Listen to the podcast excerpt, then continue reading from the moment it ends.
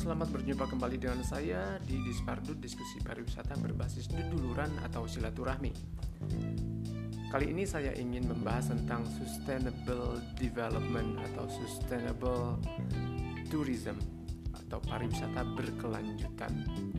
Oke, dilihat dari katanya ini memang sering sekali kita dengarkan berbagai kesempatan sedikit-sedikit berkelanjutan, sedikit-sedikit berkelanjutan, pembangunan berkelanjutan, pariwisata berkelanjutan. Tapi sebetulnya apakah kita paham betul dengan apa yang dimaksud dengan pariwisata berkelanjutan? Uh, sesuai konsepnya, pariwisata berkelanjutan itu pasti di mana-mana polanya adalah terkait dengan uh, kesejahteraan ekonomi masyarakat, dengan masyarakatnya itu sendiri, dan juga dengan ekologi, dengan ekosistem yang uh, berada di sekitar masyarakatnya juga. Nah, juga budaya termasuk juga di dalamnya ya. Nah, ini yang menjadi pola baku dari sustainable development atau sustainable tourism. Nah, sekarang yang harus kita pahami yaitu apakah sustainable tourism ini sama di semua tempat?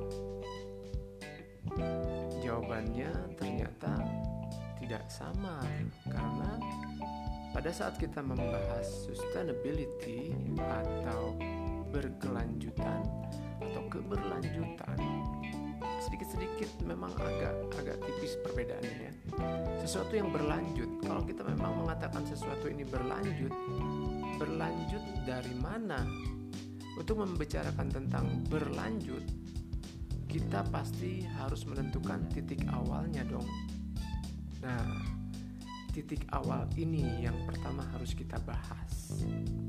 Kalau ngomongin tiba-tiba berlanjut tapi kita nggak ngerti dari mana awalnya dan dari sampai ke mana akhirnya, ini bukan pembicaraan tentang keberlanjutan atau berkelanjutan atau pembangunan yang berkelanjutan. Kita harus tahu awalnya di mana dan sampai ke mana akhirnya. Dan ini harus dibicarakan secara bersama, bukan ditentukan oleh satu pihak saja. Nah, jadi kita kita sepakati di mana titik awalnya.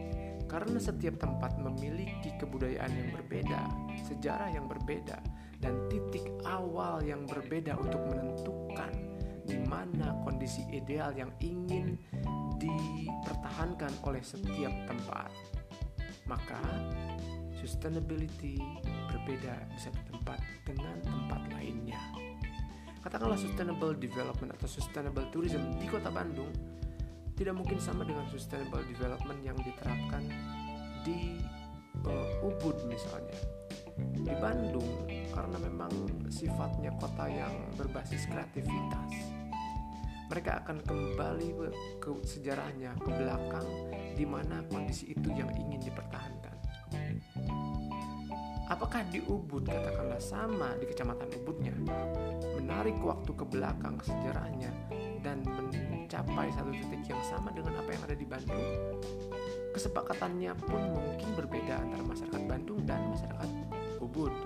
Jadi di situlah perbedaannya sustainable tourism di satu tempat dengan tempat yang lain pasti berbeda. Dan arahnya ke mana pasti itu pun berbeda.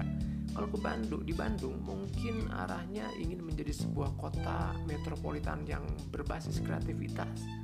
Kalau itu diterapkan di Ubud, apa yang terjadi? Apakah Ubud bisa menjadi kota metropolitan yang berbasis ke, uh, kreativitas? Atau katakanlah di um,